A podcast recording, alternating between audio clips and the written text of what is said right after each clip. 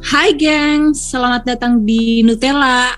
Hari ini kita masuk ke season 3 Nutella dengan series yang baru yaitu sharing gizi. Hari ini aku udah bareng tamu nih yang pengalaman kerja di bidang gizinya sudah lumayan lama. Jadi kita langsung aja sambut tamu kita, Tata. Halo, Oke. Tak. Halo. Selamat datang di Nutella, Tak.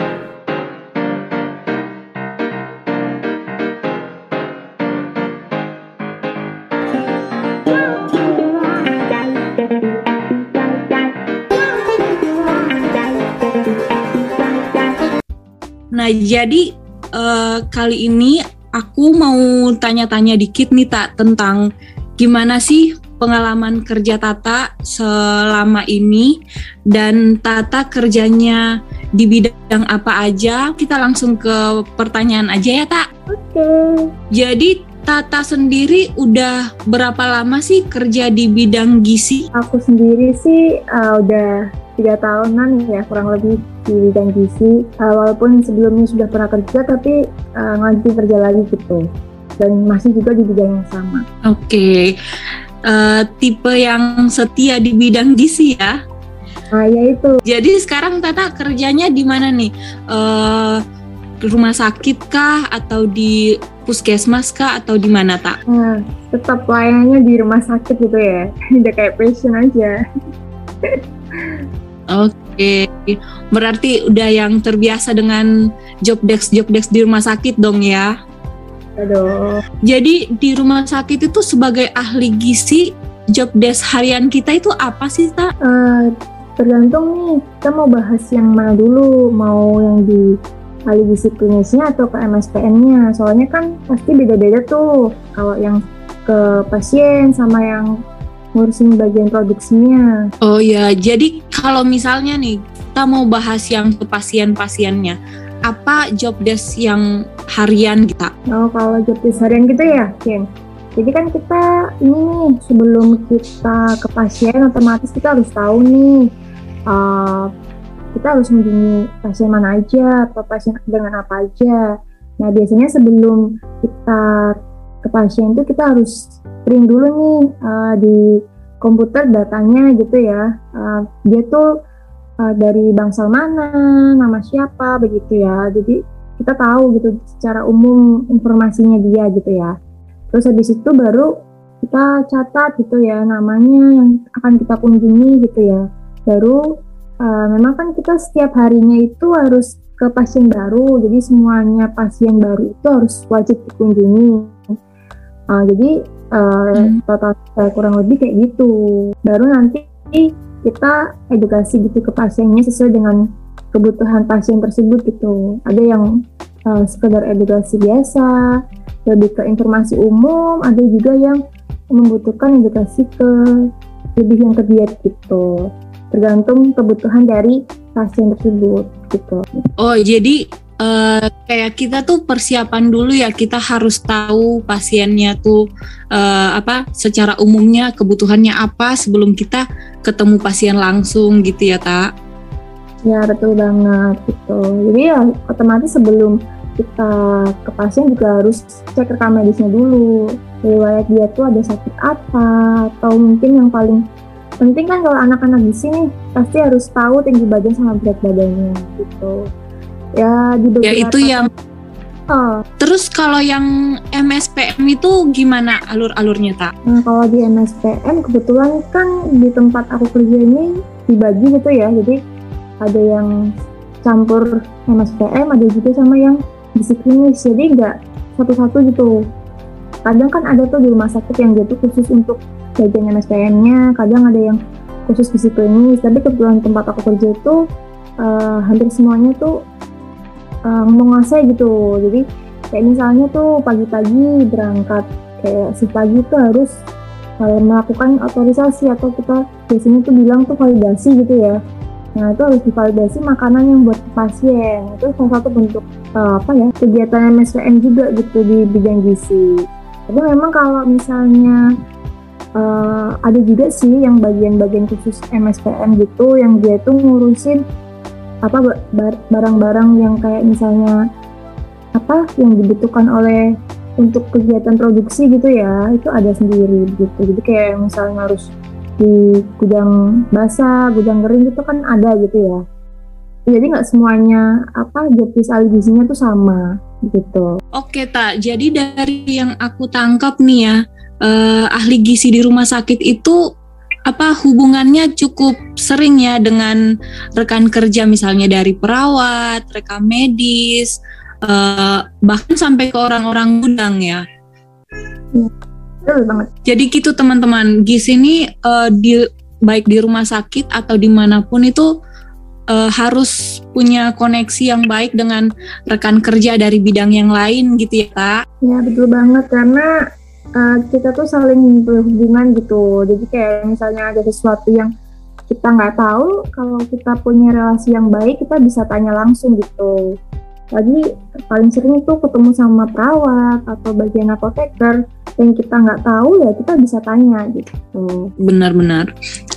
Oh iya tak terus kalau misalnya nih uh, ada nggak ya skill-skill atau pelatihan khusus gitu untuk calon ahli gizi rumah sakit atau misalnya mahasiswa gizi yang punya cita-cita kerja di rumah sakit gitu tak? Nah, kalau yang pelatihan khususnya sih lebih ke NCP ya, karena NCP itu menurut aku tuh penting banget sama MSPM. Uh, eh, NCP sendiri kan kita biar lebih tahu tuh diagnosa ke pasien, karena kan uh, kita punya tim leader tuh dokter tuh, jadi jangan sampai dokternya pengen ngarah ke mana kitanya ngarah ke mana gitu. Jadi uh, biar sinkron apa yang diminta dokter kita juga bisa memberikan juga kepada pasien. Jadi kita harus penting banget tuh tahu diagnosa karena diagnosa kan uh, banyak banget tuh ya dari setiap ininya sendiri-sendiri tuh ada gitu. Dan itu juga kalau MSPN gitu ya untuk alurnya dari barang datang sampai barang itu bisa disajikan ke pasien kita juga harus paham gitu. Dan otomatis kalau yang namanya makanan kan harus yang higienis gitu ya buat ke pasien. Jangan sampai nih sudah uh, memberikan yang terbaik. Eh tahu-tahunya ternyata ada yang uh, komplain kayak gitu kita kan juga harus lebih hati-hati jadi makanya kenapa kita juga harus latihan MSPM gitu oke okay. jadi teman-teman yang sekarang lagi dengerin Nutella kita bisa dengar sendiri ya dari Tata. Jadi buat uh, mahasiswa gizi yang berencana atau uh, arahnya bakal ke rumah sakit, bisa nih mulai uh, searching-searching gitu ya. Pelatihan apa sih yang sekiranya bakal menunjang karir kita di rumah sakit? Oke, Tak. Jadi kita mau lanjut nih ke pertanyaan selanjutnya. Ceritain dong tantangan apa sih atau suka dukanya kerja sebagai ahli gizi rumah sakit tuh apa sih tak? Wah, ini kalau ngomongin suka duka tuh banyak banget gitu ya. Malah kalau bisa dibilang tuh satu, dua, tiga atau mungkin sampai ini selesai podcastnya aja kayaknya masih kurang gitu ya. Tapi paling nggak adalah beberapa yang mungkin bisa aku sharing gitu, mungkin juga bisa jadi uh, pelajaran juga kali ya buat teman-teman yang pengen nih yang nantinya mau masuk ke bidang gizi terutama di rumah sakit gitu ya. Jadi biar oh iya nih ada gambaran gitu ya.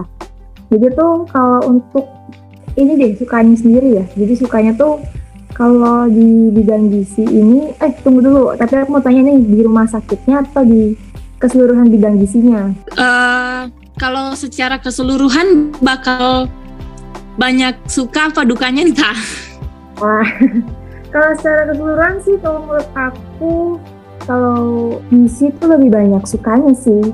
Soalnya apa ya kita tuh tahu nih dari gizi yang diperlukan dari kita tuh masih di dalam perut ibu nih gitu ya. Jadi kita tahu harus makan apa yang baik sampai nanti kita tua pun kita tahu gitu loh makan makanan yang nantinya uh, boleh buat tubuh kita dan nggak boleh buat tubuh kita. Karena kan uh, kalau dari situ sendiri kita jadi tahu nih uh, kayak simbolnya ini deh gizi yang uh, kamu adalah apa yang kamu makan gitu kan. Jadi uh, tubuh kita tuh kelihatan tuh uh, tergantung dengan apa yang kita makan. Dan itu itu tuh sesuatu yang nggak uh, bisa semua orang tahu gitu loh. Walaupun misalnya kita bisa belajar dari internet tapi kalau kita nggak mendalami secara langsung kita cuma sekedar aja kayak tahu-tahu doang kayak gitu.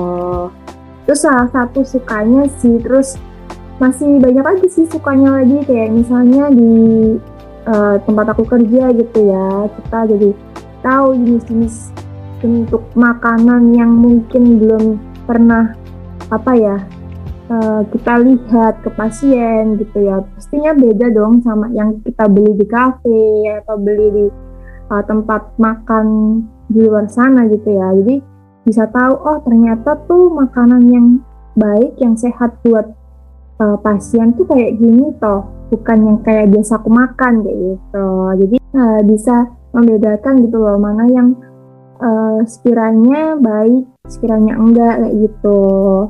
Terus juga apa ya kalau untuk sukanya eh maaf uh, untuk dukanya gitu ya kalau dukanya sih paling nggak terlalu banyak sih. Paling yang uh, udah pernah aku alami tuh kayak lebih ke komplain gitu ya jadi kayak komplain misalnya nih kayak tempat aku uh, bekerja itu kan ada mengadakan catering diet tuh nah catering diet sendiri itu kan sama harus divalidasi sama ahli gizinya.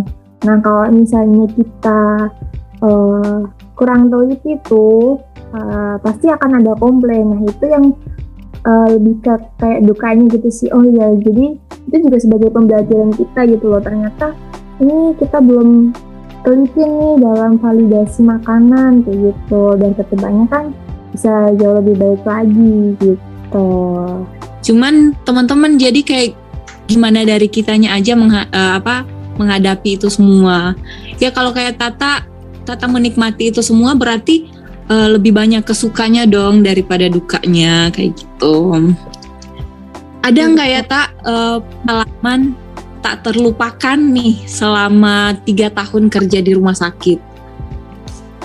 Tak terlupakan itu ya lebih ke komplain sih. Jadi kayak ada miskomunikasi juga sama uh, dari dokter juga dari perawat atau mungkin dari apoteker. Makanya tadi kayak yang udah aku jelasin harus bisa bangun hubungan yang baik begitu ya. Jadi kayak jangan sampai kita maunya gimana dokternya maunya gimana. Jadi uh, yang ada terapi buat pasien itu malah bukannya bisa bikin dia jauh lebih baik atau dia lebih keadaan yang apa ya sehat malah justru nggak sesuai dengan yang seharusnya tim leader itu mau begitu. Makanya kita kalau sebisa mungkin uh, lewat rekam medis itu ya bisa disampaikan dengan betul kalau misalnya ada saran pun atau uh, ingin ada apa ya namanya pemberitahuan gitu ya harus lebih ini ya apa namanya lebih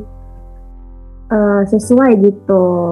Jadi kayak apa ya kalau bahasa anak sekarang tuh komunikasi adalah kunci ya tak? Nah betul banget itu sih. Jangan sampai kan zaman sekarang nih udah uh, canggih masih ada miskomunikasi tuh kayaknya aduh gak banget deh gitu. Karena kan komunikasi sekarang juga udah banyak banget gitu. Jadi jangan sampai ini deh kitanya malah nggak bisa komunikasi dengan baik ya. Betul betul. Nah tak udah beberapa pertanyaan nih.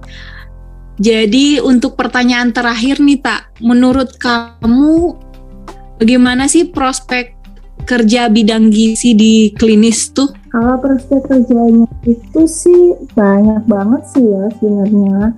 Uh, kalau dari uh, setiap rumah sakit kan pasti butuh tuh uh, ahli gizi gitu ya. Jadi kalau misalnya teman-teman ini semua baru fresh graduate gitu ya, jadi otomatis kita harus review ulang lagi nih. Apalagi kalau misalnya baru banget lulus tuh harus uh, benar-benar belajar yang perlu dipahami gitu.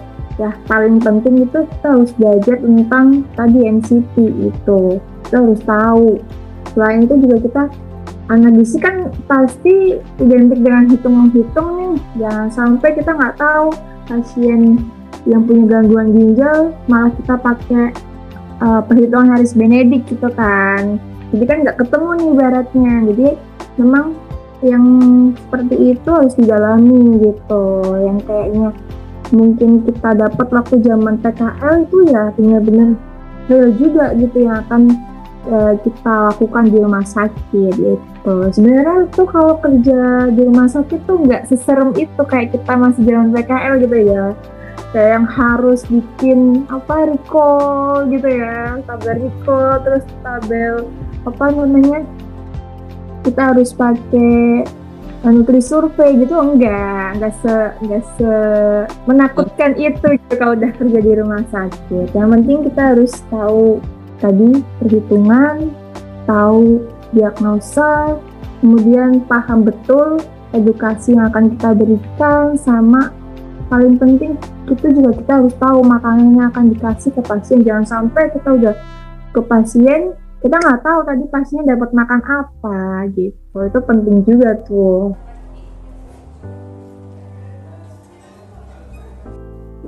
Oke, Tak. Terima kasih nih udah bersedia mau jawabin beberapa pertanyaan dari kita. Jadi teman-teman uh, kita udah sama-sama dengarkan pertanyaan uh, apa jawaban Tata seputar pertanyaan kerja uh, ahli gizi di rumah sakit itu seperti apa, apa yang harus diperhatikan. Jadi teman-teman bisa nih mempersiapkan diri, apalagi yang masih mahasiswa bisa mempersiapkan diri apa aja yang perlu kalian sediakan. Kayak misalnya orang-orang bilang tuh mau perang ada sedia apa alat-alatnya gitu ya. Jadi jangan lupa untuk skill atau pelatihannya itu harus uh, sesuai dengan tujuan kita kerja begitu. Ya, jadi teman-teman kalian nggak usah takut mau kerja di rumah sakit karena seperti yang Tata bilang tadi bahwa tidak semenakutkan itu dan tidak selalu uh, isinya tuh duka ataupun pengalaman-pengalaman yang kurang menye menyenangkan gitu ya. Jadi um, Sekian sharing gizi kali ini bersama Tata. Sampai jumpa di episode Nutella selanjutnya. Terima kasih ya, Ta. Eh, terima kasih. Sukses terus di Nutella. Sukses juga buat Tata. Pesan layanan nutrisi ini disampaikan oleh Nutella, a podcast by NutriGangs.